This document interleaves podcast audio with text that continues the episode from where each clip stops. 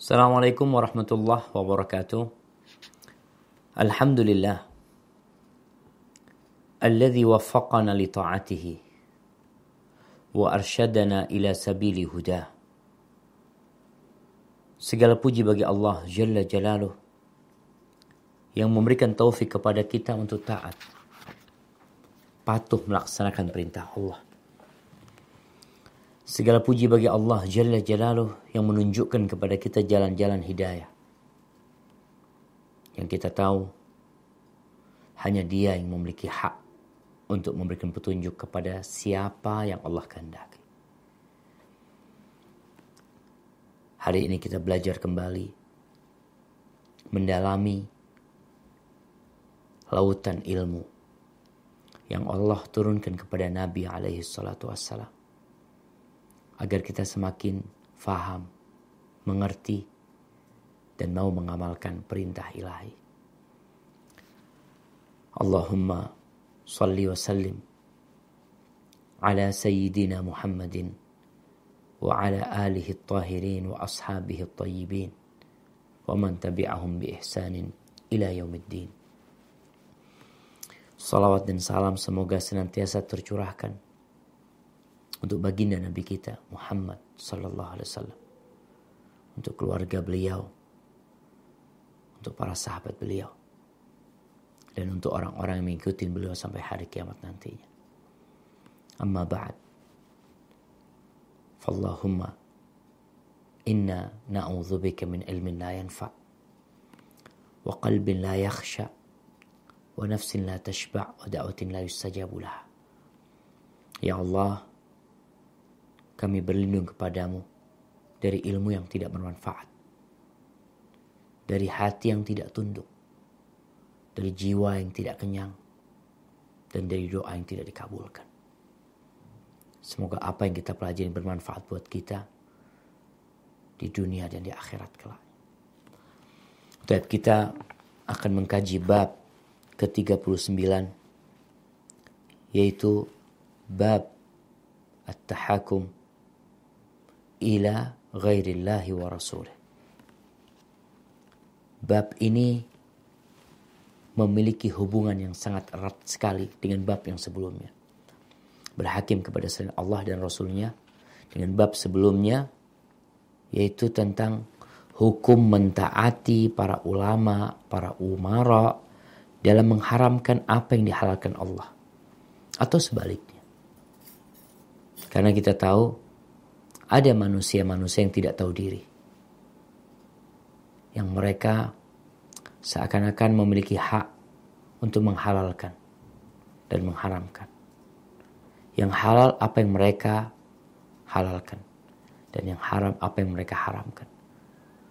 Dan kita sudah membahas orang yang mentaati pemimpin-pemimpinnya, penguasa-penguasanya dalam perkara yang kontradiksi dengan perkara agama. Sehingga dia menghalalkan Allah karena penguasanya mengatakan itu halal atau sebaliknya. Maka kita tahu orang-orang tersebut telah mempertuhankan panutan-panutan mereka, pentolan-pentolan mereka, bos-bos mereka, pimpinan-pimpinan mereka. Maka kita harus berhati-hati. Karena kita tahu sebuah kaidah la ta'ata li makhluqin fi ma'siyatil khaliq. Hadis Nabi SAW yang mengatakan nggak boleh kita taat untuk makhluk, untuk siapa pun orangnya dalam bermaksiat kepada Allah Jalla Jalal. Di bab ini adalah tentang berhakim kepada selain Allah dan Rasulnya. Gimana nih? Orang-orang yang berhakim kepada selain Allah dan Rasulnya. Kita di masyarakat di Indonesia, kita tahu negeri kita memang tidak berhukum dengan hukum Islam. Dan negeri kita juga bukan negeri Islam. Tapi kita sebagai umat Islam harus tahu mana yang hukum Islam dan mana yang bukan hukum Islam. Setiap muslim akan ditanya, apa pun jabatan dia, kau akan ditanya. Contohnya yang kita masih bisa lakukan di Indonesia. Ada pengadilan negeri dan ada pengadilan agama. Terkadang sebagian orang, dia milih pengadilan negeri. Karena buat dia, hak dia akan terpenuhi full di sana. Untuk urusan warisan umpamanya. Untuk harta gono gini umpamanya. Padahal dia tahu secara hukum Islam nggak ada Dan Alhamdulillah ada pilihan di negeri kita, engkau bisa milih yang mana. Tapi sebagian memilih kepada selain Allah dan Rasulnya. Bagaimana orang-orang seperti ini? Na'udzubillahi minal khudirah. Tapi silahkan dibaca. Bab 39 berhakim kepada selain Allah dan Rasulnya. Firman Allah Subhanahu wa taala.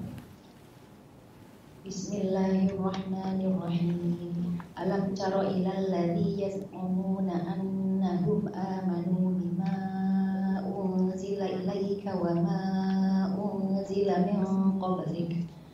Wa ma unzila min qablika yuriduna an yatahakamu إلى الطاغوت وقد أمروا أن يكفروا به.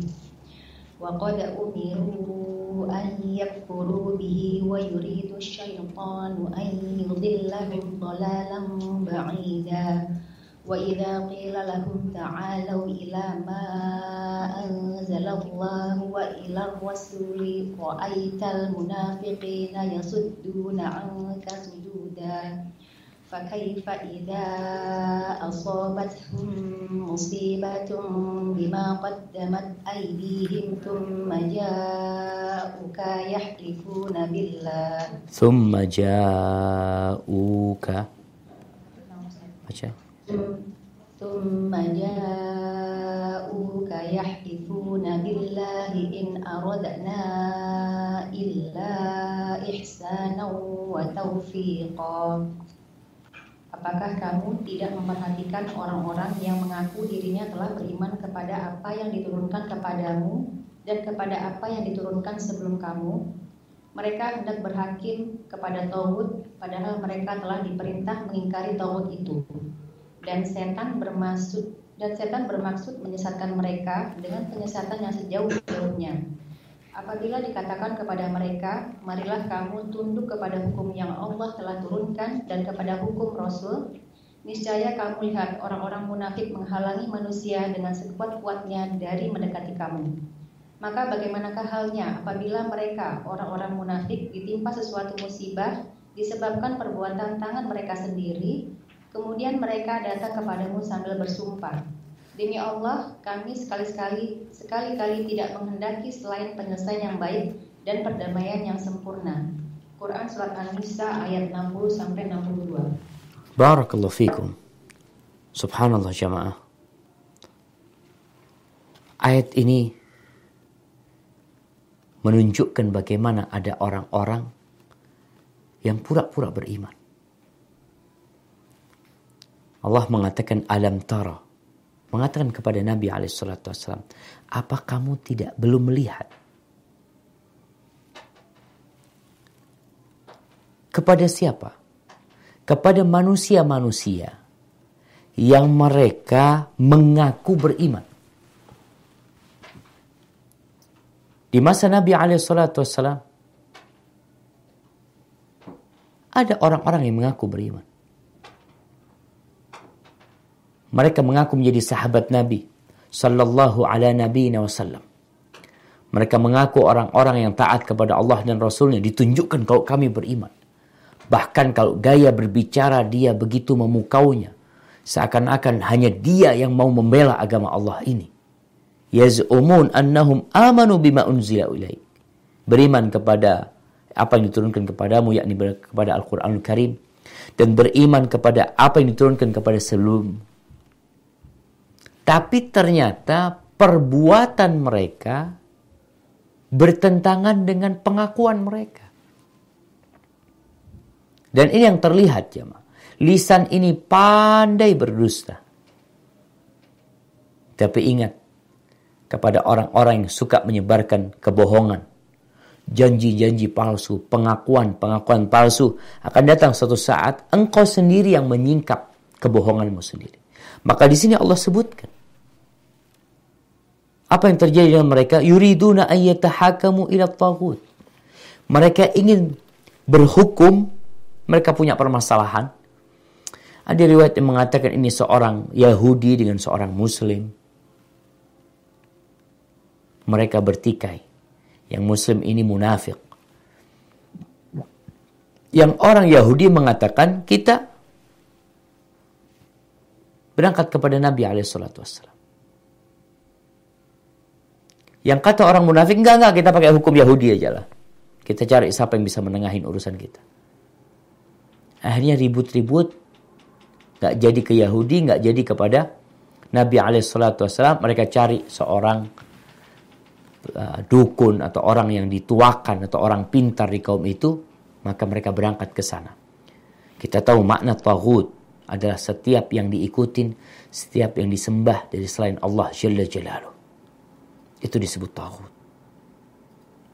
Dan dia ridha. Penyembahan itu terjadi kepada dirinya. Waqad umiru ayyakfuru. Padahal orang yang beriman ini konsekuensi ke keimanannya dia harus kufur dengan taghut. Dia harus meninggalkan sesembahan-sesembahan selain Allah. Dia tidak boleh menjadikan seseorang sebagai penengah dari selain Allah dan Rasulnya dalam urusan yang sudah ditentukan oleh Allah dan Rasulnya. Dia tinggalkan hukum Allah Jalla Jalaluh. Maka disebutkan, ini setan jamaah. Maka ketahuilah, bahwasanya hukum Allah Jalla Jalaluh itu akan menciptakan rasa keadilan di masyarakat. Dalam semua hal. Dalam perkara-perkara yang engkau pandang. Mungkin bertentangan dengan HAM. Sejatinya Islam sudah memikirkan HAM. Terlebih dahulu sebelum engkau lahir. Sebelum engkau ada. Sebelum organisasi HAM itu didirikan. Allah sudah turunkan Al-Quranul Karim. 1400 tahun yang lalu. Allah sudah turunkan sebelumnya Injil, Taurat dan Zabur yang kemudian disempurnakan dengan Al-Quran Karim. Cuma itulah ada orang-orang yang ingin berhukum kepada Tauhud, meninggalkan apa yang Allah telah turunkan. Syaitan yang menyesatkan. Kemudian sifat mereka kalau dikatakan kepada mereka, "Ta'alu ila ma anzalallahu wa, wa ila rasul." Udah sini loh, kita ikutin hukum Allah. Kita ikutin hukum Rasul SAW. Ini Muslim jamaah. Ngaku Muslim. Ngaku Islam. Tapi apa yang terjadi dengan mereka? Allah sebutkan di sini. Ra'aital munafiqina yasudduna anka sududa. Tuh orang-orang munafik berusaha untuk menahan, menghalangi orang dari mengikuti Nabi SAW. Itu sifat orang-orang munafiqin. Jamaah, Mungkin di dunia ini ada orang-orang yang bangga dengan jabatannya, yang bangga dengan kedudukannya. Berhati-hatilah, kita sudah melihat penguasa-penguasa yang akhirnya mati, dan semuanya bakal mati. Dan ketika meninggal dunia, nggak ada lagi kegunaan kekuasaan. Allah menceritakan tuh tentang orang yang mendapatkan kitabnya dengan tangan kiri. Ini kalau engkau percaya dengan hari kiamat. Dengan adanya hari kebangkitan. Tapi orang-orang munafikin nggak percaya. Mau ditakut-takutin dengan hari kiamat. Oh nanti engkau akan dibongkar kebohonganmu. Memang nggak beriman dia. Pura-pura beriman. Engkau kalau beriman, engkau akan tahu. Bagaimana orang yang mendapatkan kitabnya dengan tangan kirinya. Wa amma man utiya kitabahu bishimalihi فيقول يا ليتني لم أوت كتابيه ولم أدري ما حسابيه يا ليتها كانت القاضية ما أغنى عني مالية هلك عني سلطانية hartanya nggak berguna kedudukannya nggak ada manfaatnya kedudukan tidak akan bisa menambah satu detik dari umurmu orang-orang munafik mereka berusaha untuk menghalang-halangi menghalang-halangi manusia dari jalan Allah Jalla Jalla karena Allah sebutkan, kalau mereka terkena musibah gara-gara dosa mereka, mereka datang kemudian minta maaf. Mereka bersumpah yahlifuna billah dengan nama Allah sumpahnya. Apa kata mereka? In aradna illa ihsana wa taufiqa. Demi Allah kami sekali-kali tidak menghendaki selain penyelesaian yang baik dan perdamaian yang sempurna. Kami itu itu yang kita inginkan. Kita ingin memberikan pencerahan. Kita ingin memberikan hal yang indah di bumi Allah ini. Dia tinggalkan Allah pencipta bumi. Yang menurunkan Al-Quranul Karim. Dia cari hukum-hukum yang mengenakkan diri dia. Maka hati-hati jemaah. Baik, dilanjutkan.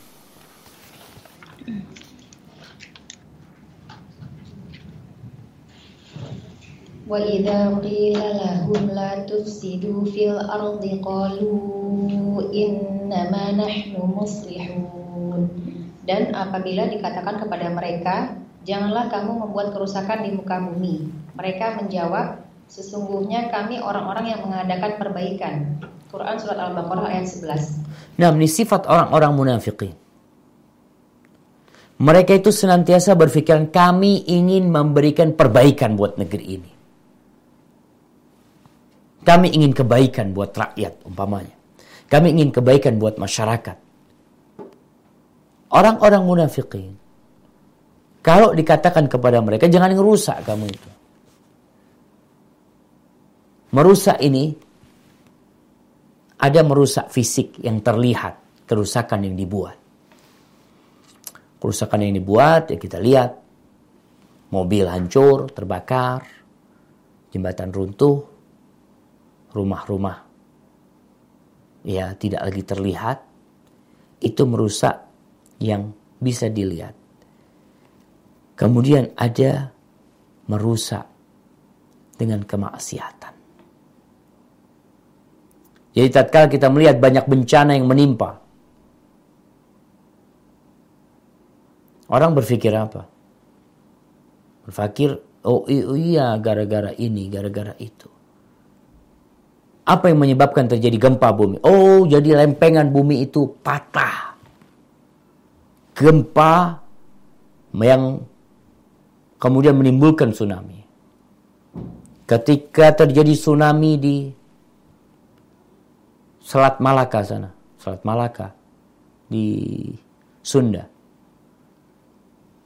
Ketika di Pandeglang, kemudian di Lampung terjadi tsunami. Apa kata mereka? Oh, gara-gara longsoran. Pertanyaannya siapa yang membuat itu longsor? Siapa yang menyebabkan air itu kemudian naik? Ini kadang-kala orang lupa. Maka kerusakan itu bisa jadi karena kemaksiatan. Bagaimana menyelamatkan negeri ini dari berbagai macam bencana yang menimpa? Meninggalkan kemaksiatan. Jadi diajak orang itu meninggalkan kemaksiatan. Setiap muslim. Allah mengatakan di surat Rum ayat 41. Coba dibaca. Surat Ar-Rum ayat 41.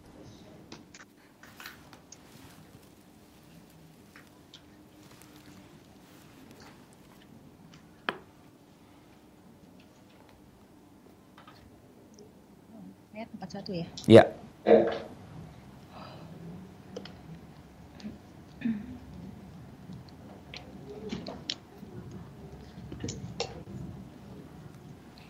Zahara fasadu fil barri wal bahri bima kasabat aydin nasi liyudhiqahum ba'dalladhi 'amilu la'allahum yarji'un telah nampak kerusakan di darat dan di laut disebabkan karena perbuatan tangan manusia supaya Allah merasakan kepada mereka sebagian dari akibat perbuatan mereka agar mereka kembali ke jalan yang benar.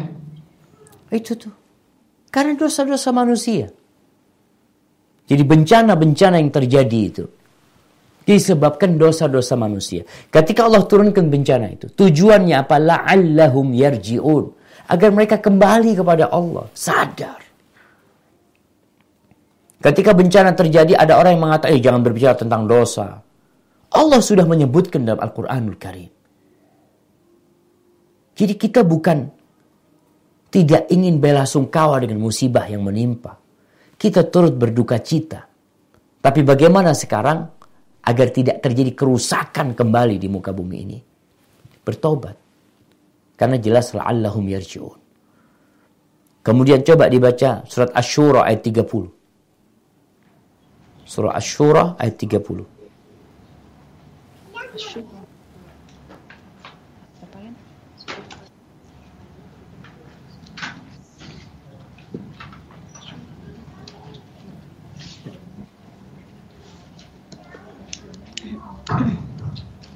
وما أصابكم من مصيبة فبما كسبت أيديكم ويعفو عن كثير dan apa saja musibah yang menimpa kamu maka adalah disebabkan oleh perbuatan tanganmu sendiri dan Allah memaafkan sebagian besar dari kesalahan-kesalahanmu. Allah jamaah. Jadi kalau kita tertimpa musibah, jangan cari kambing hitam. Oh gara-gara fulan. Allah sebutkan. Fabima kasabat aidikum. Gara-gara dosa kalian. Wa ya'fu an kathir. Yang Allah maafkan itu banyak loh. Andai kata setiap berbuat dosa Allah kasih sanksi. Allah azab manusia. Tutup Indonesia. Nggak ada satupun binatang yang melata di bumi ini. Tapi Allah menunda. Allah membuka pintu tobat. Mungkin dia ingin bertobat kembali kepada Allah Jalla Jalal. Maka di sini kita harus tahu bahwasanya makna merusak di muka bumi ini. Ketika Allah mengatakan la tufsidu fil ardi, jangan berbuat dosa kalian. Merusak secara fisik kita nggak boleh.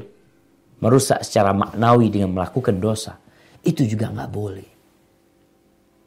Ingat, ketika istri Nabi Zainab bertanya kepada Nabi alaihissalatu wassalam, "Anahliku wa fina salihun."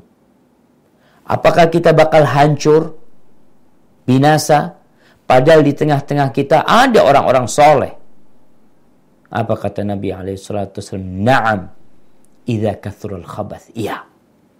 Akan hancur, akan binasa kalian. Walaupun banyak orang soleh. Apabila kemaksiatan merajalela. Karena itu yang menyebabkan kerusakan datang. Jadi kalau kita berbicara bagaimana menyelamatkan negeri kita dari tsunami. Bagaimana agar gempa tidak terjadi. Ketika orang hanya berpikir secara materi, dia akan mengatakan, oh kita bikin ini, kita bikin itu. Itu bicara materi. Tapi bicara urusan hati dan kita tahu bumi ini milik Allah Jalla Jalaluh, maka caranya adalah dengan menjaga diri dari berbuat dosa.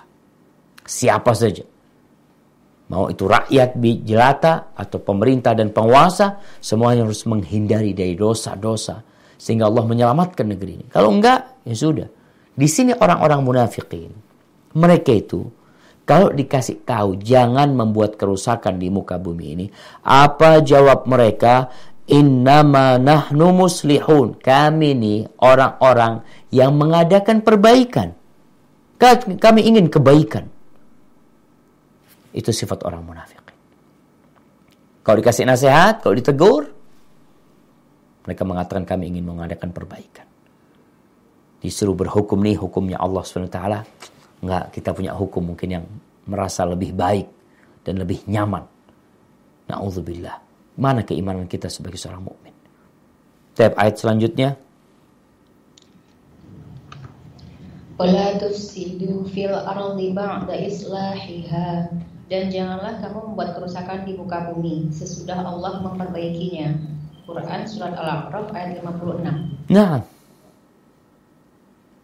ada orang yang berusaha memperbaiki, meluruskan, menjaga negeri ini, menyampaikan petuah-petuah kepada masyarakat, mengajak masyarakat agar kembali kepada Allah Jalla Jalalu, agar mereka jadi faham mana yang halal dan mana yang haram, mana yang hak dan mana yang batil. Tapi ada orang-orang yang merusak keinginan untuk memberikan perubahan yang baik. Maka Allah katakan wala tufsidu fil ardi ba'da islahi. Setelah diperbaikin, setelah disampaikan dakwah menuju kebenaran, jangan dirusak sama kalian. Oleh karena itu Syekh bin Utsaimin rahimahullahu taala di antara bentuk merusak setelah perbaikan itu adalah orang-orang yang menghalangi dakwah para ulama yang mengajak kepada kebenaran mereka yang berusaha untuk menghalangi dakwah dikatakan did dakwati salaf orang yang mengajak kepada Allah malah dihalang-halangi dan mereka beranggapan kami yang ingin kebaikan Kami yang ingin kebenaran. Maka hendaklah kita semua belajar. Jangan mengedepankan egonya. Dalam urusan mengajak orang kepada kebaikan. Jangan menjadikan suatu lembaga, suatu ormas sebagai tolok ukur kebenaran. Kalau yang dikatakan oleh mereka maka itu yang benar, yang lainnya salah. Jangan. Inilah yang namanya merusak. Kebenaran itu dari Allah. Rasul SAW menyampaikannya. Kalau seorang menjadikan ucapan seseorang tolak ukur kebenaran, maka dia udah udah udah tersesat. Imam Malik mengatakan kullun yu'khadu min qawlihi wa yurad. Semua orang itu ucapannya bisa diterima dan bisa ditolak. Illa sahib hadzal qabr. Kecuali ucapan yang dikuburkan di sini yaitu Rasulullah sallallahu alaihi wasallam. Maka ingat jangan merusak, janganlah membuat kerusakan di muka bumi ini setelah diperbaiki. Dengan apa Allah memperbaikinya? Dengan mengutus para rasul. Dengan dilanjutkan oleh pewaris para nabi yang mengajak orang untuk melakukan kebaikan. Ini orang-orang munafik biasanya menghalangi. Gak suka mereka. Ketika masjid ramai dengan orang-orang yang mengajarkan kebaikan. Mereka gak suka. Mereka lebih suka masjid itu sepi. Dan itu terjadi di masa Nabi SAW. Bagaimana orang-orang munafikin akhirnya membangun masjid yang tujuannya untuk memecah belah umat. Jamaahnya dipecah. Mereka punya masjid namanya Masjid Dirar. Allah sebutkan dalam Al-Quranul Karim. Kalau ditanya lagi, kalau ditanya mereka, kalian kenapa bangun masjid? Oh, kita ingin perbaikan.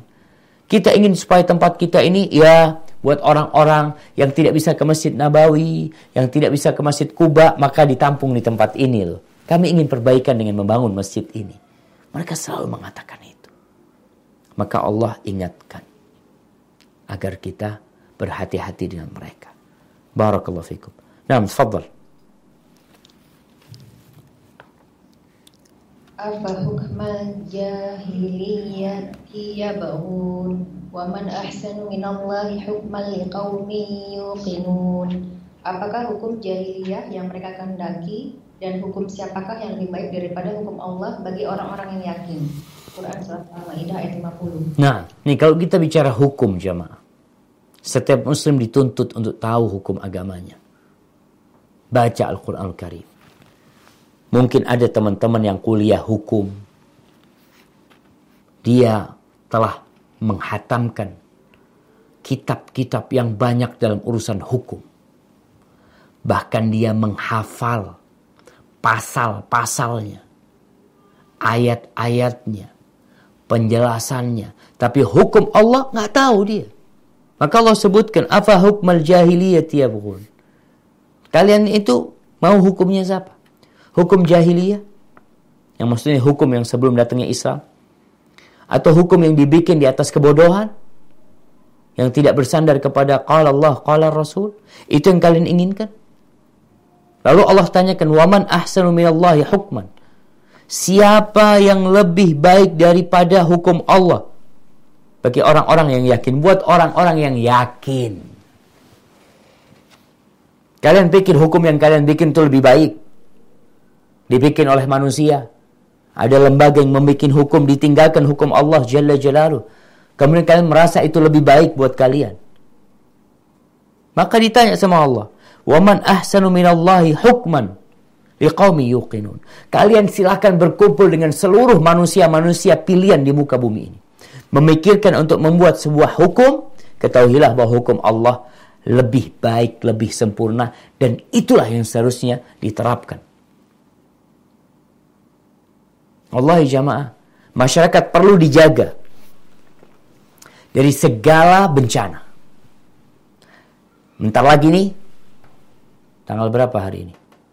Tanggal 12. Ya. Tanggal 7 Jumadal Akhirah. Tanggal 12 Februari. Valentine kapan? Dua hari lagi. Nih hukum jahiliyah yang mau dipakai lagi. Bagaimana Islam menghadapi menjaga umat dari perzinaan. Menjaga umat supaya tidak jadi sampah sejarah. Bagaimana menjaga masyarakat agar mereka menjadi masyarakat yang suci, masyarakat yang penuh dengan keamanan. Nggak ada lagi pemerkosaan, nggak ada lagi perzinaan. Jadi kalau bicara merusak ketika perzinaan dilegalkan, yang ada kampanye seks aman, bukan kampanye meninggalkan zina. Itu yang seharusnya dilakukan oleh setiap muslim. Di mana pun engkau hidup. Dan Alhamdulillah anak berbahagia sekali. Adanya pemimpin-pemimpin di sebuah kota, bupati, wali kota, gubernur yang mengumumkan hal itu. Meninggalkan waktu malam tahun baru. Mereka berusaha untuk meninggalkan perkara-perkara yang tidak sesuai. Bahkan merusak negeri ini. Merusak negeri Valentine kita lihat beberapa tahun yang lalu kondom-kondom dijual bersama coklat. Untuk apa? Agar mereka berzina aman. Mereka berzina aman, mereka ngundang murka Allah Jalla Jalaluh. Mereka merusak. Bukan membuat yang aman. Jadi seharusnya ditutup semua jalan. Kalau kita bicara hukum Allah Jalla Jalla, baca Al-Quranul Karim. Allah mengatakan wala zina. Jangan mendekati perzinaan. Semua lorong yang bisa mengantarkan kepada zinaan dalam hukum Islam dilarang. Kenapa wanita diperintahkan menutup auratnya? Kenapa laki-laki dan wanita diperintahkan menundukkan pandangan? Kenapa tidak boleh berduaan dengan yang bukan mahramnya? Kenapa semua itu? Kenapa laki-laki nggak boleh kumpul campur sama perempuan di sana? Semuanya untuk menyelamatkan negeri. Untuk mengamankan masyarakat dari azab Allah Jalla Jalaluh. Kalau azab Allah turun, apa yang bisa dilakukan para tentara? Apa yang bisa dilakukan brimob dari kepolisian? Tatkala terjadi tsunami, yang bisa mereka lari dan kabur. Terjadi gempa bumi, gunung meletus, banjir bandang. Semuanya kapur jemaah. Kenapa? Itu tadi. Ketika orang meremehkan hukum Allah. Merasa hukum yang dia bikin lebih baik apalagi. Bisa menyebabkan kekufuran dia. Bahkan keluar dari agama Allah Jalla Jalaluh. Tapi yang jelas orang munafik, ini orang munafik yang Allah sebutkan. Nggak peduli dengan itu. Karena imannya itu hanya pura-pura beriman. Allah sebutkan di ayat pertama yang kita baca. Apa kata Allah? Yaz'umun. Nanti. Mereka itu mengaku saja beriman. Lisannya, penampilannya, oh, kelihatan, nampak muslim. Pakai baju koko, mungkin dia pakai kopiah. Mungkin orang itu berangkat umroh, berangkat haji. Penampilannya. Tapi ingat,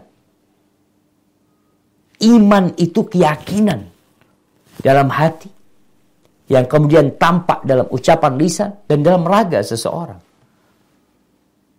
Jadi bukan hanya sekedar mengatakan la ilaha illallah selesai.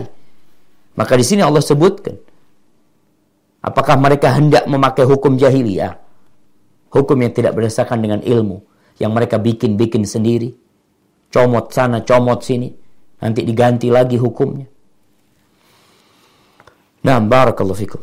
Lanjutkan.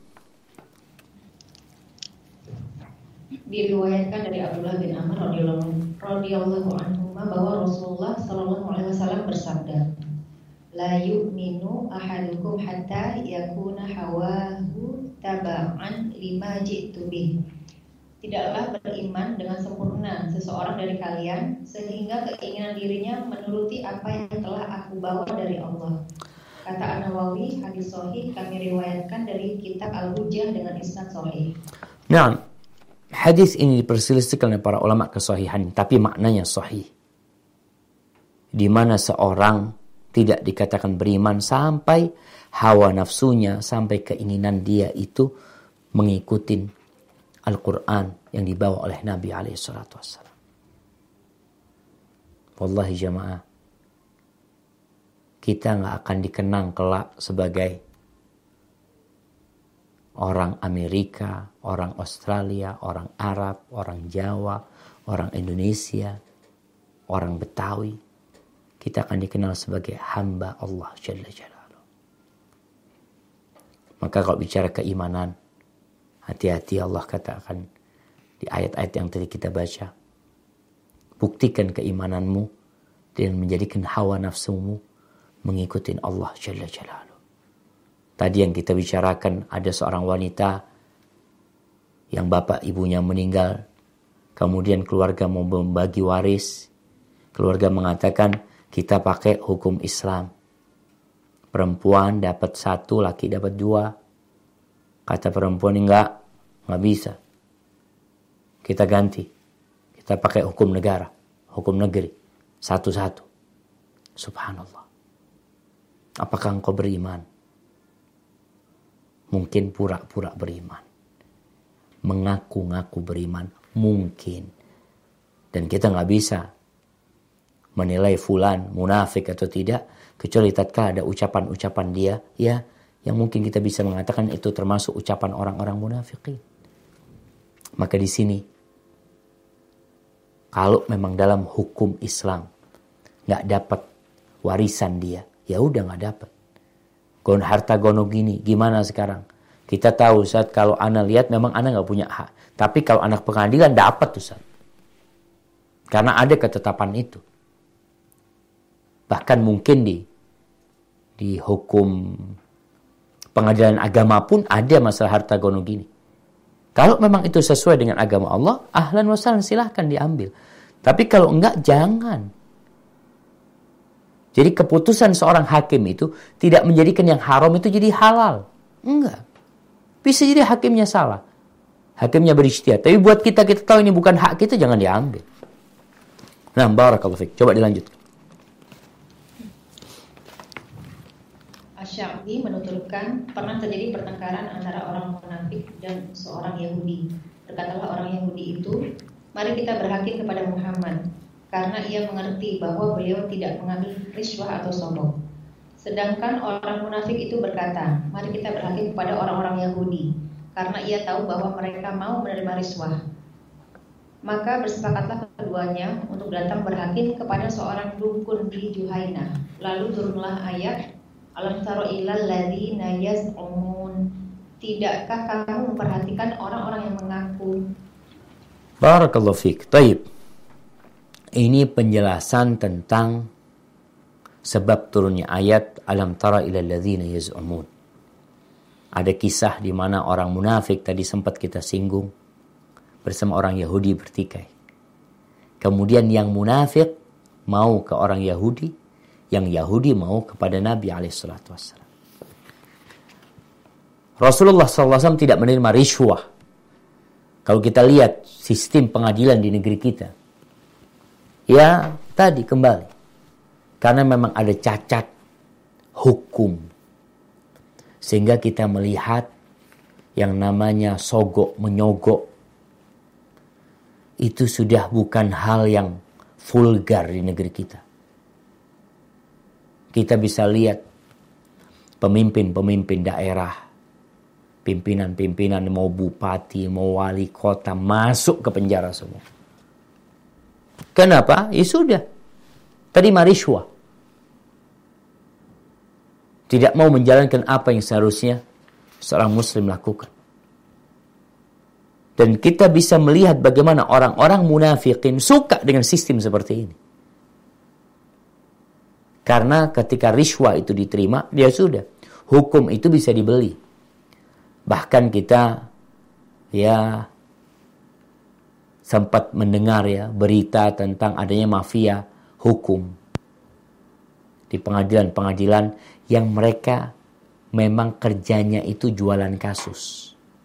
Jual beli kasus, mau dimenangkan, mau dikalahkan. Ya bagaimanalah maunya. Tergantung yang punya duit. Maka subhanallah, di sini Allah turunkan firman-Nya. Alam tara ila alladhina yaz'umun. Engkau enggak ngelihat tuh. Kamu tidak memperhatikan orang-orang yang mengaku amanu. Mereka mengaku beriman. Hanya mengaku. Wallahi jamaah.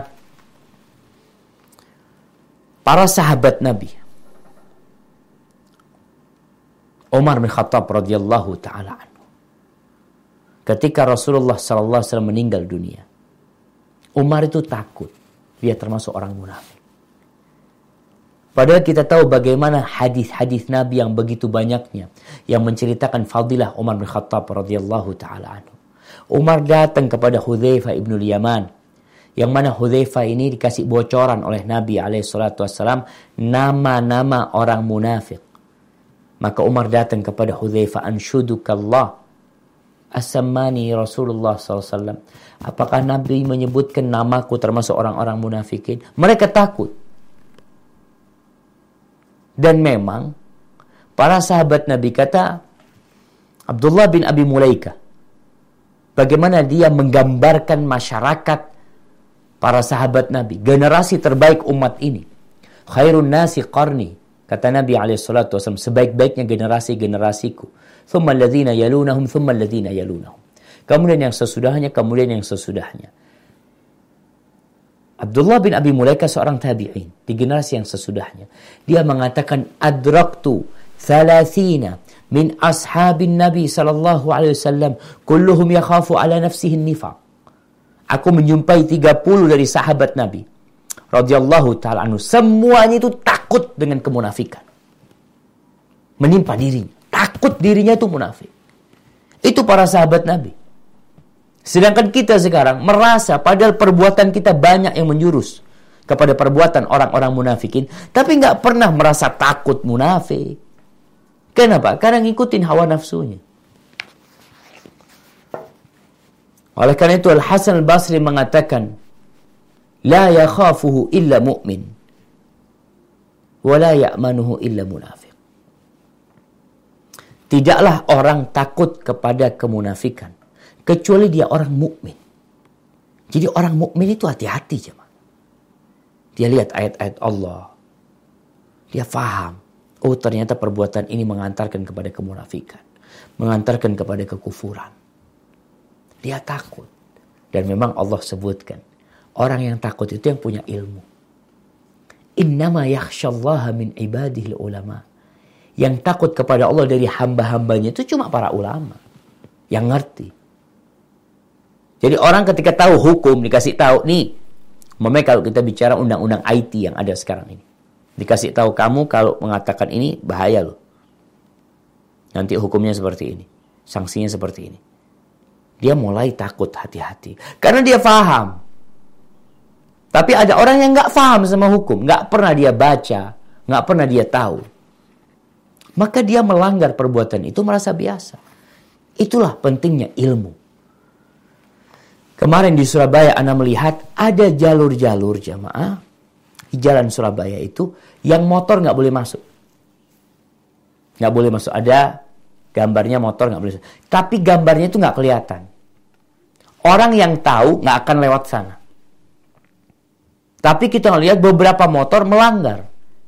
Kenapa mereka melanggar? Karena nggak punya ilmu. Dihukum dia.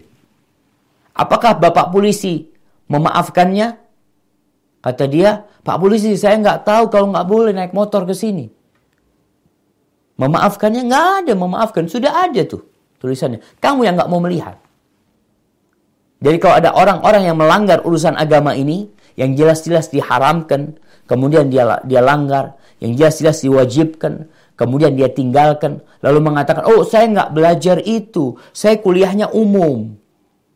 Saya waktu itu ya nggak nggak nggak di pesantren, nggak kuliah umum. Allah turunkan Al-Qur'anul Karim buat siapa? Buat anak-anak di pesantren aja. Allah turunkan untuk umat manusia. Engkau mukmin, itu kitabnya ada. Maka hati-hati. Kembali kepada bagaimana seorang mukmin itu takut dengan kemunafikan. Sehingga dia senantiasa mengevaluasi dirinya aku ini mukmin apa munafik ya? Kalau orang munafik nggak pernah dia takut dengan kemunafikan karena dia munafik merasa aman. Oh Allah itu maha pengampun, Allah itu maha pengasih, Allah itu rahmatnya meliputi wasiat rahmatuhu kulla syai, meliputi segala sesuatu. Rahmat Allah Jalla Jalaluh. Maka ini jamaah.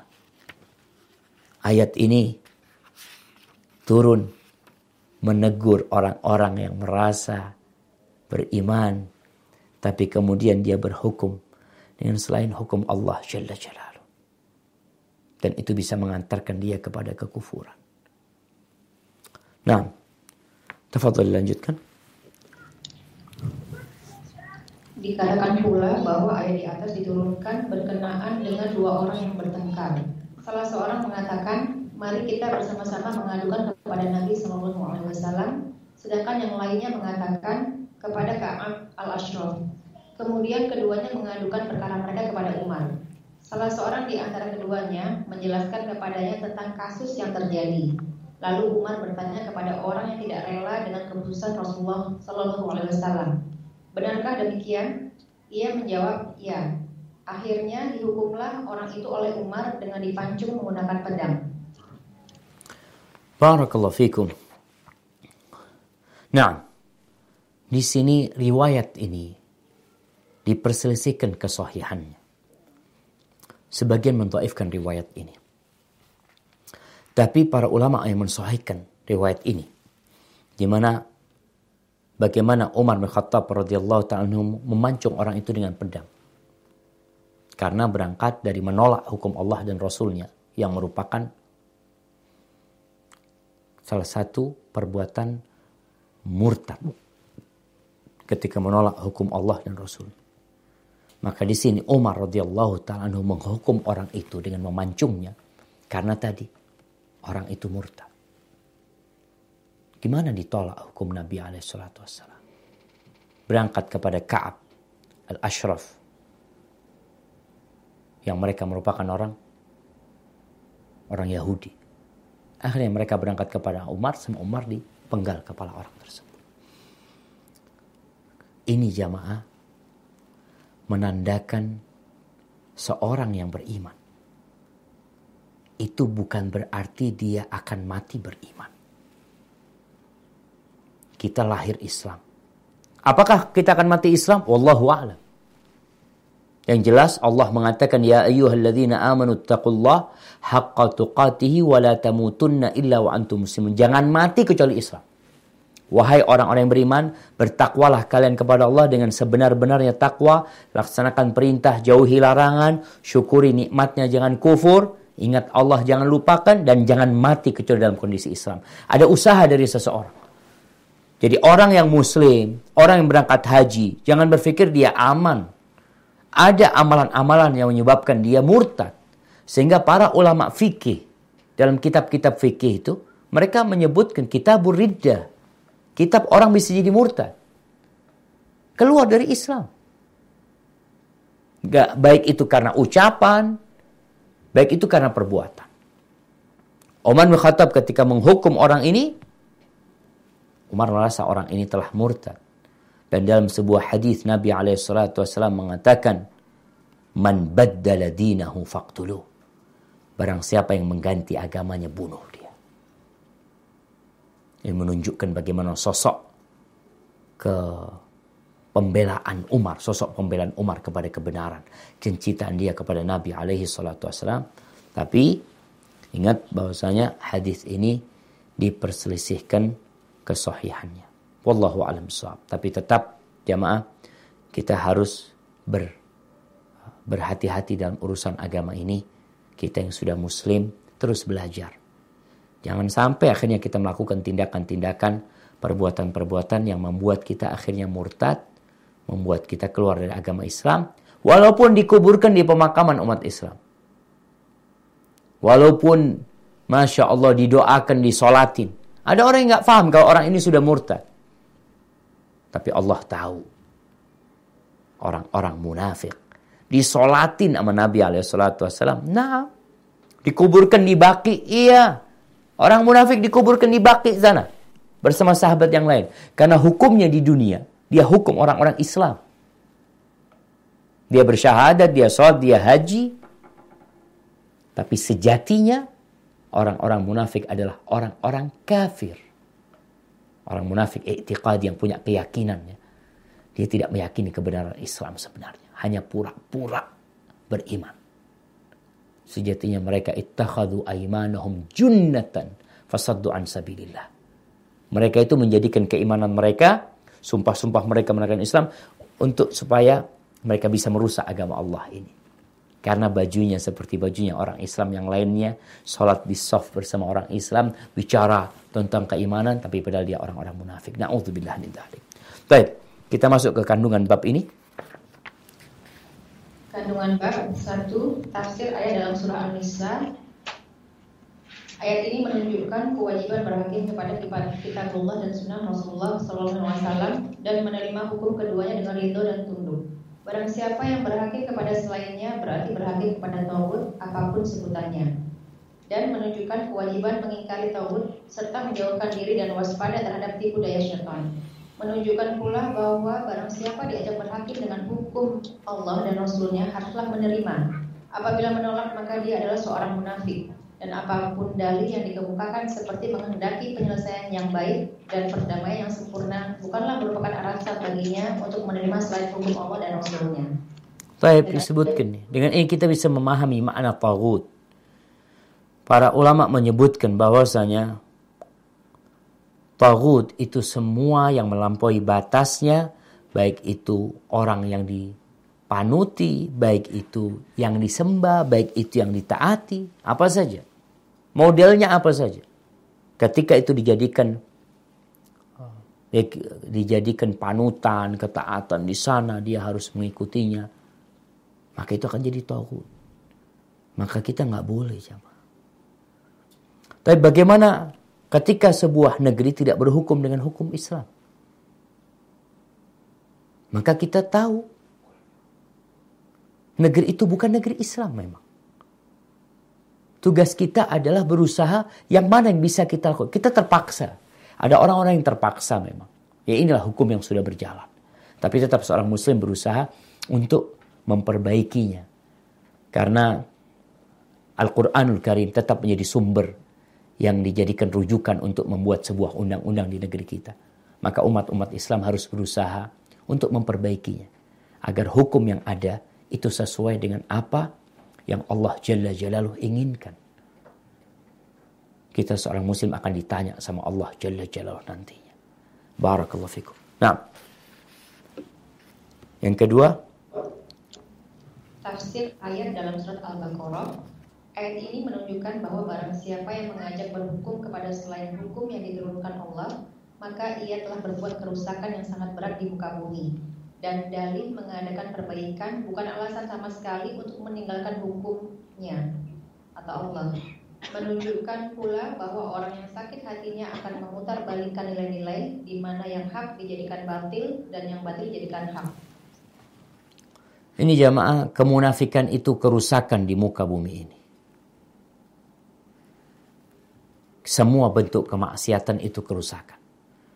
Tapi salah satunya bagaimana orang-orang munafikin kalau mereka diajak kepada hukum Allah dia akan menolak. Kemudian ketika mereka dikasih tahu, dikasih pencerahan, jangan membuat kerusakan di muka bumi ini. Apa kata mereka? Innama nahnu muslihun. Kami orang-orang yang ingin mengadakan perbaikan. Itu ucapan mereka. Dan itu berulang kembali. Berulang kembali. Sampai kapan pun orang-orang munafik akan tetap mengucapkan hal ini. Tapi barakallahu fikum. Lanjutkan. Tafsir ayat Ayat ini menunjukkan bahwa barang siapa yang mengajak berhukum kepada selain hukum Allah, maka dia telah berbuat kerusakan yang sangat berat di muka bumi dan menunjukkan bahwa perbaikan di muka bumi adalah dengan menerapkan hukum yang diturunkan Allah. Baik, kalau benar ingin mengadakan perbaikan, coba dibaca Al-Quranul Karim. Dilihat tuh. Jadikan itu sumber hukum. Yang akan membuat orang-orang merasakan keadilan. Merasakan keamanan. Merasakan kedamaian Sebagai orang berpikir, Ustaz bagaimana dengan orang-orang non-muslim? Akan merasakan kedamaian. Yahudi aja, Yahudi di masa Nabi SAW hidup di kota Madinah. Dia bertekai dengan orang muslim, munafik. Apa yang Yahudi lakukan? Ingin berhukum dengan hukum Yahudi? Lah. Dia mengatakan berangkat kepada Nabi SAW. Karena tahu hukumnya adil. Itu orang Yahudi. Kita jangan bicara orang Islam. Orang Yahudi tahu jamaah. Yang Muslim nggak tahu. Karena nggak mau belajar. Orang Yahudi tahu kebenaran agama Allah ini. Mereka tahu dengan kebenaran Al-Quran ini. Kenapa mereka nggak masuk Islam? Ya, hidayah. Sebagian mereka karena kesombongan mereka. Kok nabinya dari orang Arab? Inginnya nabinya dari orang Yahudi. Kok nabinya dari orang Arab? Mungkin sebagian ingin nabinya orang Indonesia. Nabinya orang Arab sama. Itu itu yang harus kita kita fahami sama. Berkaitan dengan hal ini. Jadi kalau ingin merasakan kedamaian, keadilan, Allah udah turunin. Buat apa terus Quran itu? Buat pajangan doang. Buat dibaca di awal acara. Oh dibaca di awal acara sudah dapat berkahnya ya. Seperti itu. Buat baca orang ruqyah sakit bacain Quran supaya sembuh. Kita bisa melihat subhanallah acara-acara di televisi yang mereka ah, ada acara ruqyah ya. Seakan-akan Quran ini hanya untuk acara ruqyah acara yang maksiat, hukum Quran nggak dipakai. Mereka yang separuh telanjang, berjoget-joget, menari-nari, menyebarkan kemaksiatan, kekejian. Itu acaranya pagi ada acara Quran, hanya untuk pemanis belaka. Quran bukan untuk itu, tapi untuk diterapkan dalam kehidupan ini. Dan yakin, engkau akan merasakan kedamaian. Yakin, jamaah. Kita akan merasakan kedamaian. Orang Yahudi aja ingin berhukum dengan hukum Quran. Karena mereka tahu. Di situ ada keadilan yang akan dirasakan bukan hanya oleh manusia. Semut-semut di lubangnya. Ikan-ikan di lautan akan merasakan keadilan itu. Baik, barakallahu fikum. Lanjutkan. Yang keempat, tafsir ayat dalam surah Al-Maidah. Ayat ini menunjukkan bahwa orang yang menghendaki selain hukum Allah berarti ia menghendaki hukum jahiliyah. Nah, Allah mengatakan afa hukmal jahiliyati yabghun. Kalian itu mau pakai hukum jahiliyah. Itu yang mau dipakai. Allah turunkan Al-Quran, kalian tinggalkan. Bahkan ada yang mungkin merasa lebih benar, lebih bagus, lebih cocok. Kalau orang non-muslim aja Yahudi ingin berhukum dengan hukum Islam. Bagaimana dengan kita kaum muslimin? Baik, lanjutkan. Yang kelima, sebab turunnya ayat yang pertama, sebagaimana dijelaskan Asyabi. Baik, tadi yang ceritakan bagaimana ada satu orang munafik bertikai dengan satu orang Yahudi. Kemudian yang Yahudi mengatakan kita berhukum kepada Nabi alaihissalatu wassalam. Nih Nabi, antum tahu nggak? Nabi itu dipercaya oleh Allah untuk menyampaikan agama Allah ini. Kemudian agama ini telah bisa diamalkan, dipraktekkan dalam masa kurun yang panjang sekali. Jadi kalau bicara, oh ini loh sudah dicoba, ini sudah dicoba. Ini sudah dicoba jemaah. Dan sudah dipraktekkan, sudah kelihatan hasilnya. Kenapa ini ditinggalin? Tuh Yahudi ingin ke Nabi SAW karena nggak terima riswa. Dan hukumnya akan akan dirasakan keadilan tersebut. Bagaimana orang-orang Nasoro yang berada di Palestina ketika Umar bin Khattab masuk ke sana, mereka tahu mereka akan merasakan keadilan. Bagaimana orang-orang di Mesir ketika Islam masuk ke sana, orang-orang Egypt yang ada di sana, orang-orang Kipti yang awalnya dibawa kekuasaan Romawi, di situ ada Alexandria, mereka menerima Islam sebagai sebuah sebagai sebuah agama. Walaupun mereka nggak masuk Islam, tapi mereka tahu agama ini akan memberikan keadilan kepada semua bangsa. Bukan hanya kepada muslim saja. Tapi kembali ada orang yang mau pakai hukum-hukum jahiliyah. Maka itu Asyabi menjelaskan. Bagaimana orang munafik akhirnya berangkat ke dukun. Pakai hukum adat yang bertentangan. Hukum adat nggak apa-apa selama tidak bertentangan dengan agama Allah subhanahu wa ta'ala. Baik. Selanjutnya. Yang keenam, pengertian iman yang benar dan iman yang palsu. Iman yang benar yaitu berhakim kepada kitabullah dan sunnah Rasulullah SAW serta menerima hukumnya dengan tunduk dan ridho. Dan iman yang palsu yaitu mengaku beriman tetapi tidak mau berhakim kepada kitabullah dan sunnah Rasulullah SAW bahkan berhakim kepada tauhid. Barakallahu fikum. Iya jemaah. Ini nih kalau bicara iman ya ana tahu muslim punya KTP tunjukkan di sana muslim.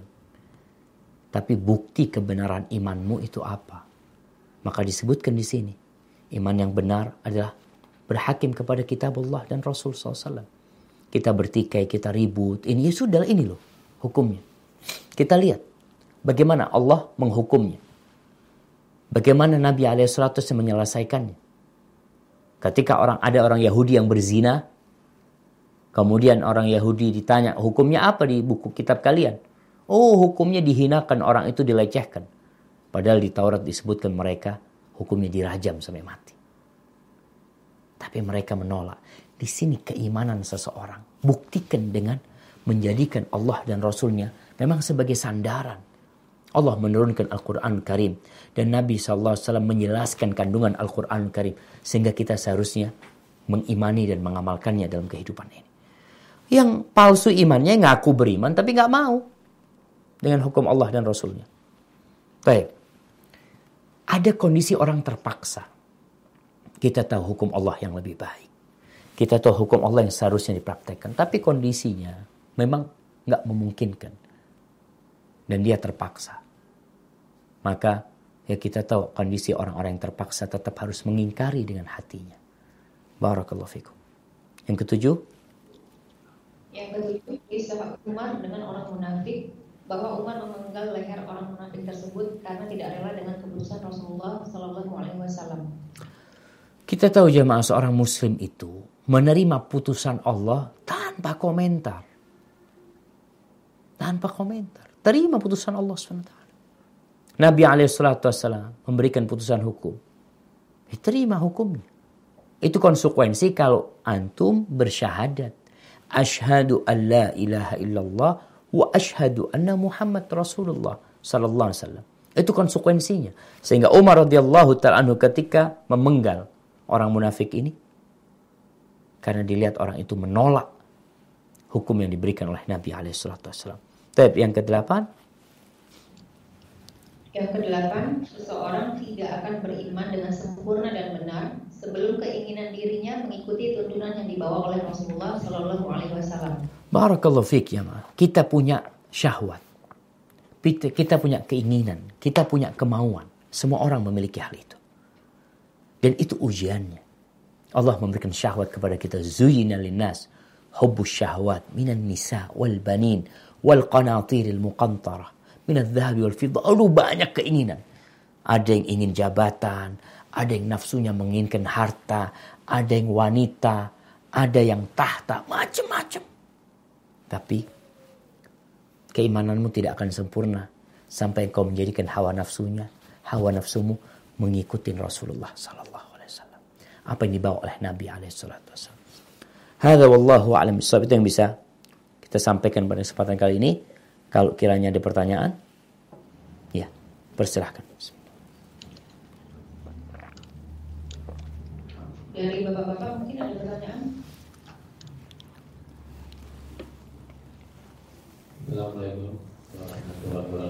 Waalaikumsalam warahmatullahi wabarakatuh. Yang pertama tentang ayat Udhulu bisil Ka'bah. Nah, itu maksudnya bagaimana orang menolak ya sepotong-sepotong anak-anak ya pakai jilbab tapi nanti kalau tadi bersatu dia intinya mereka tidak menerima Islam secara hukum orang muslim itu apa? Pertama. Yang kedua tentang orang yang masuk surga termasuk neraka itu karena seekor lalat. Nah itu bisa ditafsir maksudnya dipahami e, tentang kesihkan. Maksudnya e, kalau udah kesihkan itu apa pun e, risikonya walaupun nyawa mereka harus dikorbankan lah. Maksudnya tetap dia bertahan gitu pada Nah, barakallahu fiik. Iya, pertanyaan yang menarik sekali jamaah tentang firman Allah Jalla Jalla di surah Al-Baqarah ya ketika Allah mengatakan ya ayyuhalladzina amanu udkhulu fis silmi kafah wa la tattabi'u khutuwati syaitan innahu lakum aduwwum mubin. Kata Allah wahai orang-orang beriman masuklah kalian kepada dalam Islam secara kafah. Jangan mengikuti langkah-langkah syaitan. Kenapa? Kalau engkau muslim ya harus terima Islam secara kafah. Jangan mau ibadahnya Islam, tapi perdagangannya enggak, Anda enggak ikut. Sistem perdagangan Islam ini udah ketinggalan. Riba haram dalam Islam, enggak. Anda ikut, kalau dagangnya ikut kapitalis, umpamanya.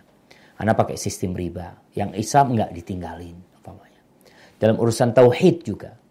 Ada orang yang diperintahkan untuk mentauhidkan Allah meninggalkan kesyirikan tapi dia masih melakukan tradisi-tradisi yang bertentangan dengan agama Allah. Kenapa? Ya nggak bisa ditinggalkan. Ini udah tradisi, ini udah kebiasaan. Contohnya ada orang yang masih memotong memotong kepala sapi, memotong afsal sapi dan kepalanya dihadiahkan ke lautan. Ini berangkat dari keyakinan. Karena mereka meyakini itu bisa mendatangkan berkah. Itu bisa menolak bala umpamanya. Sedangkan dalam agama Allah, apakah memang seperti itu hukumnya? Maka orang yang tidak menerima Islam secara keutuhan, maka Allah tegur.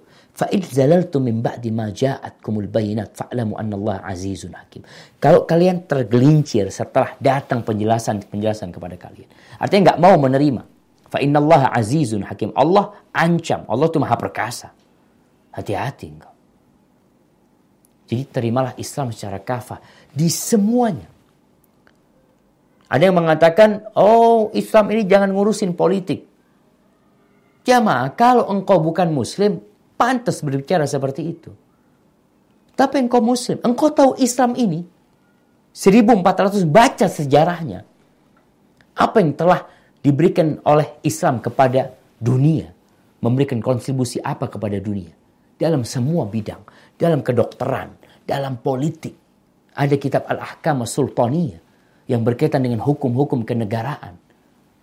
Bagaimana Islam dimulai dengan Nabi alaihissalam, meninggalnya Nabi alaihissalam diganti oleh Abu Bakar Siddiq, diganti oleh Umar bin Khattab, diganti oleh Uthman bin Affan, diganti oleh Ali bin Abi Thalib, kemudian berlanjut ke Muawiyah, perjalanan yang cukup panjang memberikan warna-warna yang indah buat dunia.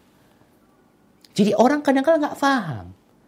Mengatakan, oh Islam udah, Islam nggak, jangan masuk-masuk ke ranah politik. Nabi SAW bicara politik itu di Masjid Nabawi. Mengumpulkan para sahabatnya, berbicara strategi perang di dalam Masjid Nabawi. Bagaimana menghadapi musuh-musuh. Urusan militer pun dibahas oleh Islam. Baca Al-Quranul Karim cara memilih pemimpin umpamanya dalam Al-Quran dibicarakan. Siapa yang pantas menjadi pemimpin? Allah membicarakan hal itu dalam Al-Quran Karim. Memilih teman diatur dalam Islam. Cara makan diatur sama Islam. Semuanya. Maka kalau bicara udhulu fisilmi kafa. Maka masuk Islam secara kafa. Kalau nggak masuk Allah ancam. Hati-hati. Benar muslim apa enggak?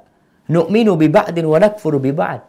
Seperti orang-orang Yahudi sebagian kami imani yang cocok. Oh ini pas buat kehidupan anak-anak terima. Oh ini afan nggak pas. Ini udah ketinggalan zaman nggak sesuai dengan logika anak umpamanya. Maka ini bisa menyebabkan dia tidak beriman akhirnya. Karena imam beriman secara kafah atau tidak. Orang-orang Yahudi yang masuk Islam. Itu sebagian mereka masih mengagungkan hari Sabtu. Maka turun ayat ini.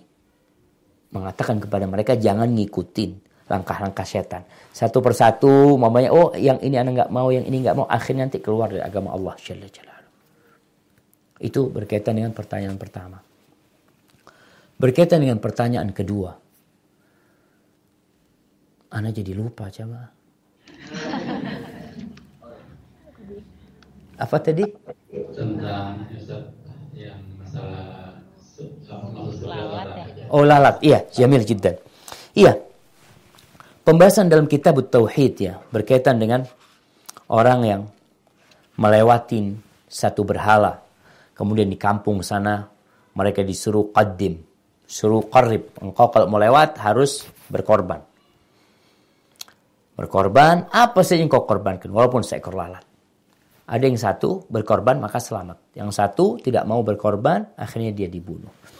Paloma ketika membicarakan hal ini, ini bisa jadi kondisi umat sebelum kita. Jadi kekhususan umat Islam itu ada beberapa yang tidak dimiliki oleh umat yang lain. Salah satunya, Inna Allah tajawaza an ummati amma haddathat bihi anfusuhum wa mastukrihu alaih. Di dalam agama kita ada sebuah keringanan. Orang yang dipaksa untuk melakukan dosa, untuk melakukan kemaksiatan, bahkan kekufuran. Kalau benar dia terpaksa, maka dia tidak berdosa. Kisah lalat itu kisah sebelum umat Islam. Dan kita tahu dalam agama mereka ada banyak hal yang tidak halal.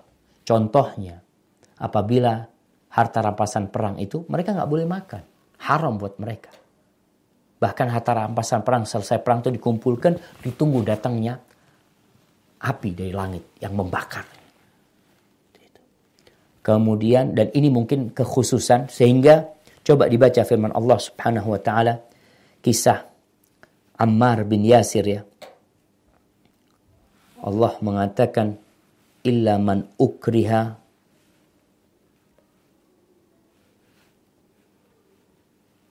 Nah, di surat An-Nahl 106. Coba dibaca.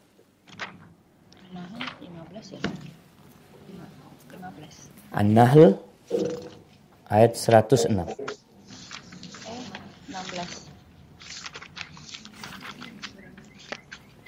115. 106.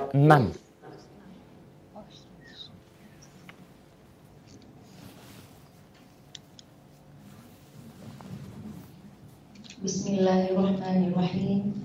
Man kafara billahi min ba'di imanihi illa man ukriha wa qalbuhu mutma'innun bil imani walakin man syaraha bil kufri sadar sadaqan fa'alaihim ghadabun minallah walahum adabun alim. Barang siapa kafir kepada Allah setelah dia beriman, dia atau dia mendapat kemurkaan Allah kecuali orang yang dipaksa kafir padahal hatinya tetap tenang dalam beriman, dia tidak berdosa. Tetapi orang yang melapangkan dadanya untuk kekafiran, maka kemurkaan Allah menimpanya dan mereka akan mendapat azab yang besar. Barakallahu fikum. Jadi Ammar bin Yasir Ammar bin Yasir. Ini Asyabi menceritakan salah satu sebab turunnya ayat ini. Bagaimana keluarga Ammar bin Yasir disiksa. Disiksa untuk mengatakan ucapan kekufuran. Bukan seperti cerita lalat tadi. Enggak. Hanya mengucapkan sudah. Oh engkau ucapkan engkau kafir dengan Muhammad ya. Sebut nama-nama Tuhan-Tuhan kami selesai sudah. Ibunya Sumayyah bertahan.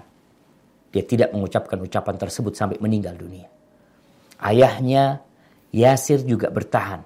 Dia tetap tidak mengatakan apa, tidak memberikan apa yang diinginkan oleh orang-orang musyrikin. Ammar nggak kuat. Nggak tahan dia lihat ibunya tewas, bapaknya tewas, dia disiksa. Akhirnya dia mengucapkan menyebut Tuhan-Tuhan orang-orang musyrikin. Lalu Ammar datang kepada Nabi alaihi salatu wassalam. Dia mengatakan halak tu ya Rasulullah. Aku sudah habis sudah aku sudah binasa. Kenapa? Karena aku menyebut Tuhan-Tuhan orang-orang musyrikin dengan kebaikan. Lalu apa kata Nabi kepada Ammar? Kaifa tajidu qalbaka? Di mana engkau mendapatkan hatimu?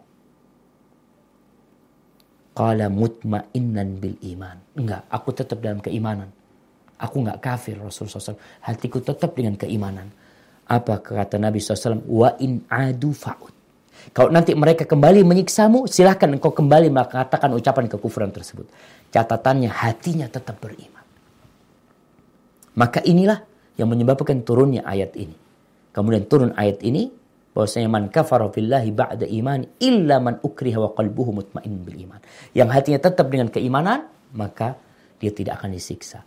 Berkaitan dengan kisah lalat itu juga, sebagian ulama menafsirkan orang yang disuruh motong lalat itu karib, iya dia sudah potong lalat. Dalam kondisi dia nggak peduli dengan keimanannya. Sehingga dia berkorban untuk itu berhala tanpa mengingkarinya. Maka ini menyebabkan orang itu kafir kemudian masuk ke dalam neraka. Tapi orang yang hatinya penuh dengan keimanan, tenang dengan keimanannya, maka kata Nabi SAW, kalau engkau nanti disiksa lagi, ya sudah engkau katakan lagi ucapan itu, nggak ada masalah. Dengan catatan hatimu tetap penuh dengan kedamaian, dengan iman yang ada pada hatimu. Hada wallahu a'lam bishawab. Nah. Assalamualaikum Ustaz. Waalaikumsalam warahmatullahi wabarakatuh. Apakah dalam Islam kalau suami istri bercerai, adakah hak istri atau yang namanya harta gondong ini buat istri, sementara istri tidak bekerja? Nah, berkaitan dengan hak istri ya, ketika bercerai, di dalam Islam itu ada yang namanya mut'ah. Nabi SAW ketika hendak menceraikan istrinya, menawarkan untuk menceraikan istrinya, Allah mengatakan ya ayuhan nabiyyu qul li azwajika. Katakan kepada istrimu in kuntunna turidnal hayatad dunya wa zinataha fata'alaina umatti'kunna wa usarrihkunna sarahan jamila. Kalian kalau ingin kehidupan dunia ya sudah aku akan kasih pesangon kepada kalian kasih mut'ah dan aku akan ceraikan kalian. Dan mut'ah ini dianjurkan jamaah. Ada kondisi-kondisi yang diwajibkan memberikan mut'ah tapi ada kondisi yang umum ketika orang menceraikan istrinya setelah punya anak, yang punya apa, maka dianjurkan memberikan mut'ah, pesangon buat istrinya. Tapi bukan harta gonogini. Pesangon itu sesuai dengan kemampuan suaminya. Kalau suami banyak duitnya, dia kasih pesangon buat istrinya. Ini yang ada dalam Islam, bukan harta gonogini. Adapun kalau suami dan istri bekerja, maka hartanya ketika mereka berpisah ya udah bagian masing-masing. Bagian istri dikasihkan ke istri, bagian suami dibagikan kepada suami. Jadi dalam Islam itu bukan gonogini yang diberikan, tapi mut'ah pesangon yang diberikan oleh suami kepada istrinya ketika istrinya memang tidak bekerja. Kalau istrinya memang bekerja dan dia punya hak, membawa dia, ini Ustaz rumah bangun bareng Ustaz berdua. Anak mobil ini juga berdua belinya. Anak punya usaha juga berdua. Maka ketika itu dibagi dua. Bukan sebagai harta gono gini, tapi memang haknya istri. Miliknya istri. Itu yang ada dalam Islam. Hada wallahu a'lam bissawab.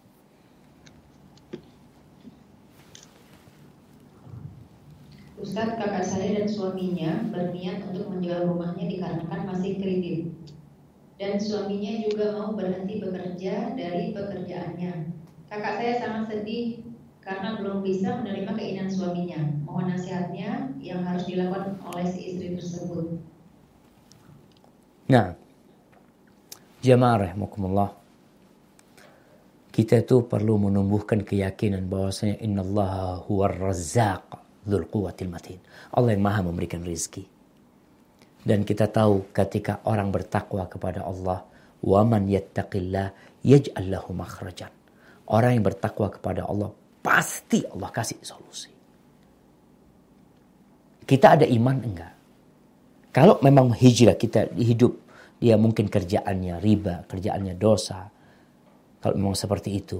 Kemudian rumahnya ada unsur riba di sana dan dia akan terus harus membayar riba tersebut. Dia ingin melepaskan diri dari riba tersebut, maka tumbuhkan keimanan dalam hati. Para sahabat Nabi ketika hijrah, mereka meninggalkan kampung halamannya. Bukan hanya kampungnya, rumahnya ditinggal. Rumahnya itu dikuasai oleh orang-orang kafir. Mereka meninggalkan semua itu karena Allah. Mereka berangkat menuju ke kota Madinah. Perjalanan yang cukup panjang berhari-hari mereka tempuh. Sampai ke kota Madinah. Mereka nggak punya tempat tinggal. Tapi mereka hijrah buat Allah dan Rasulnya. Bukan buat dunia. Bukan supaya dapat ya penghasilan yang lebih banyak. Bukan. Tapi mereka untuk Allah dan Rasulnya. Demi menyelamatkan agama mereka. Iman mereka. Sampai Medina, sebagian sahabat jadi pengembala kambing. Sebagian numpang di rumahnya orang. Sebagian yang sudah nggak ada tempat tumpangan, rumahnya nggak cukup, banyak yang tidur di masjid. Itu hijrah. Ada wanita yang tidur di masjid. Yang biasa bersih-bersih masjid. Sampai seperti itu. Jadi tumbuhkan keimanan, jangan takut. Niatkan lillahi ta'ala. Bahwasanya yang namanya halawatul iman. Manisnya keimanan itu akan dapat dirasakan ketika kita menjadikan Allah dan Rasulnya lebih kita cintai daripada segala galanya. Maka itu yang perlu ditumbuhkan keimanan ya, keyakinan, tunjukkan bagaimana orang-orang yang hijrah, bagaimana tukang-tukang sihir Fir'aun yang pagi harinya masih bersama Fir'aun. Kemudian sore harinya sudah dibantai sama Fir'aun, disalib di pohon-pohon kurma. Karena beriman kepada Nabi Musa alaihissalam. Tunjukkan bagaimana istri Fir'aun.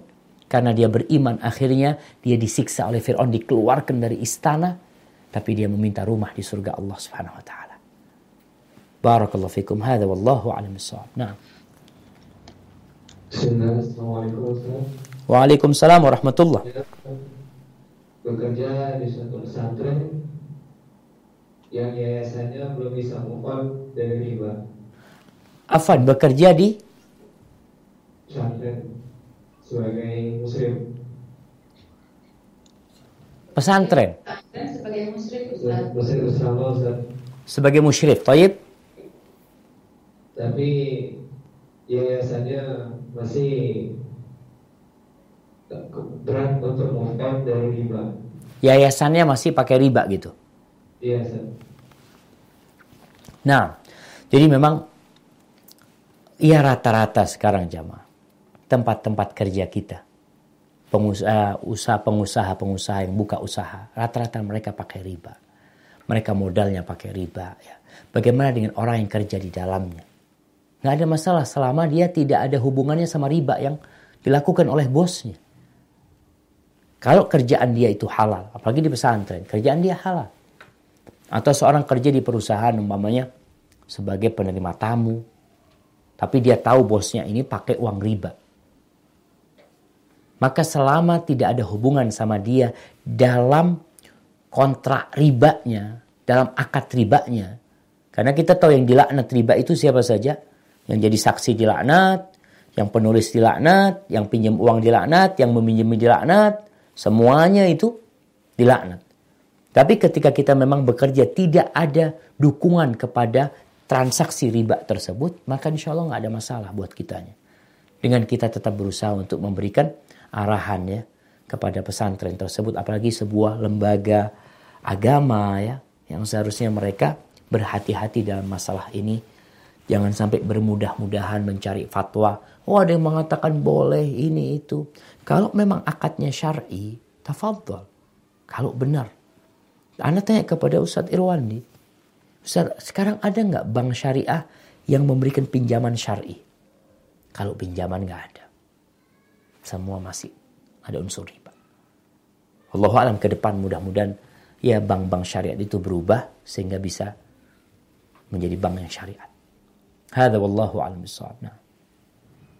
Nah. Bagaimana menghadapi orang non muslim yang tidak yang suka sama orang muslim dan berusaha mempelajari Islam secara kafah. Afan, suaranya kurang jelas ini. Diulangi lagi bagaimana? Ustaz, bagaimana menghadapi orang non muslim yang suka sama orang muslim yang berusaha mempelajari Islam secara kafah? Yang suka sama orang Islam. Apa yang ditanyakan?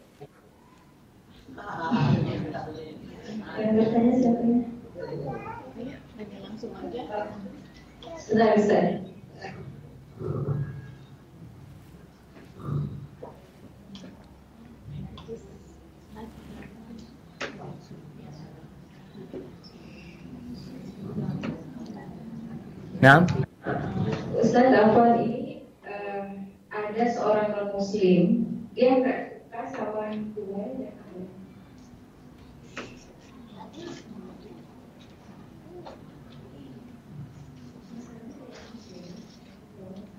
Jadi uh, seorang non muslim dia nggak suka kepada uh, orang muslim yang uh, menuntut ilmu secara kafah gitu Ustaz. Oh dia nggak suka?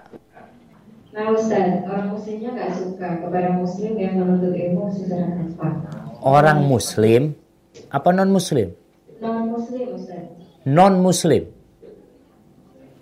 Ya. Ya jemaah. Kalau menghadapi orang-orang yang tidak suka dengan orang yang belajar Islam secara kafah, kita bisa melihat non-muslim nggak suka. Muslim juga sebagian nggak suka. Allah Jalla Jalla sudah menyebutkan hal itu. Allah mengatakan walan tarda ankal yahud walan nasara hatta tattabi'a millatahum. Nggak akan ridho tuh orang Yahudi dan orang Nasara sampai kalian mengikuti ajaran mereka. Mereka takut. Kenapa sekarang ada usaha dari Yahudi dan Nasrani yang berusaha untuk membangun benteng yang menghalangi umat Islam berjalan Islam yang benar. Mereka tebarkan pemikiran liberalisme. Karena kalau Islam ini belajar benar, kembali kejayaan Islam. Karena satu syarat, kata Nabi Shallallahu Alaihi Wasallam, kalau kalian ingin kehinaan ini dicabut sama Allah Jalla Jalaluh, ingin Islam itu jaya kembali, menerangi dunia dengan cahaya kedamaian, itu hatta tarji'u ila dinikum. Sampai kalian kembali kepada agama kalian. Dan mereka takut umat Islam kembali kepada agamanya. Ya, mereka bikin Islam model baru macam-macam, yang itu nggak apa-apa lah. Tapi yang benar jangan. Sehingga sebagian, kemarin ada yang bertanya kepada Ana, Ustaz gimana Ustaz? Ana punya keluarga ini pulang dari Australia jadi liberal. Mengatakan Einstein itu masuk masuk masuk surga Einstein itu.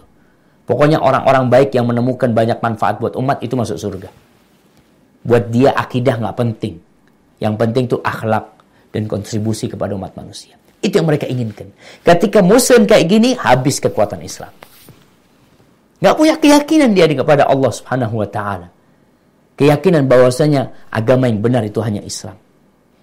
Maka tugas kita menghadapi orang-orang yang tidak suka dengan orang yang belajar Islam dengan benar ya, teman-teman muslim. Eh, sampaikan kepada dia, anak muslim, anak mempelajari agama anak dengan benar.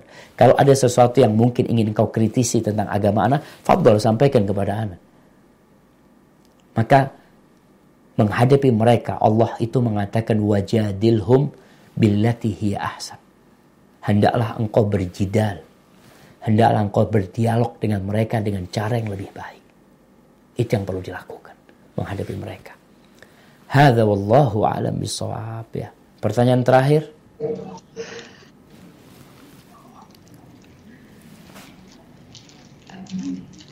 Ustaz, apakah benar tidak boleh memperjualbelikan binatang peliharaan seperti kucing, kelinci, burung dan lain sebagainya? Nah, iya bicara binatang peliharaan tergantung yang dipelihara itu apa. Kalau bicara kucing, memang jumhur ulama itu memakruhkan. Memakruhkan. Memang dalam madhab hambali ada yang mengharamkan. Tapi anda lihat pendapat yang mengatakan makruh itu lebih kuat. Jadi tidak sampai tingkatan haram, tapi makruh memelihara kucing. Kenapa? jual beli kucingnya, jual afan, jual beli kucingnya, bukan memeliharanya, tapi jual belinya. Tapi ketika orang mau memelihara, silahkan, nggak apa-apa dia dia melihara. Kalau bicara kelinci, kelinci bisa dimakan dagingnya, burung bisa dimakan dagingnya. Ada orang mamanya, ana uh, beli lovebird saat apa? Ya ada burung lovebird. Ana beli 2 juta saat ana bikin sarapan loh saat kepingin makan daging lovebird umpamanya. Itu termasuk perbuatan sia-sia. Makanya kalau bicara bukan sia-sia berlebih-lebihan jemaah.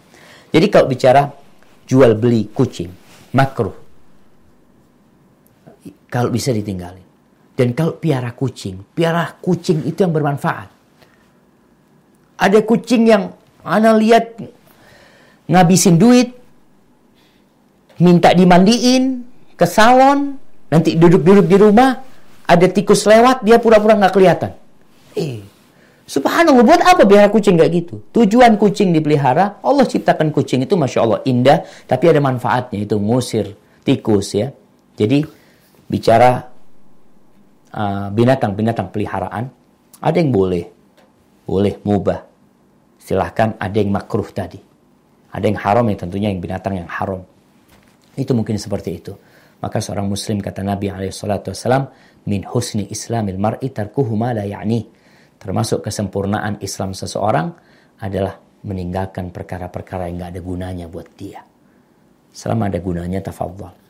Barakallahu fikum. Itu yang bisa Anda sampaikan. Apabila yang Anda sampaikan benar itu dari Allah Jalla Jalaluh. Kalau ada yang salah dan kurang berkenan itu dari diri Anda pribadi. Allah dan Rasul yang terbebaskan dari kesalahan itu. Sampai berjumpa kembali.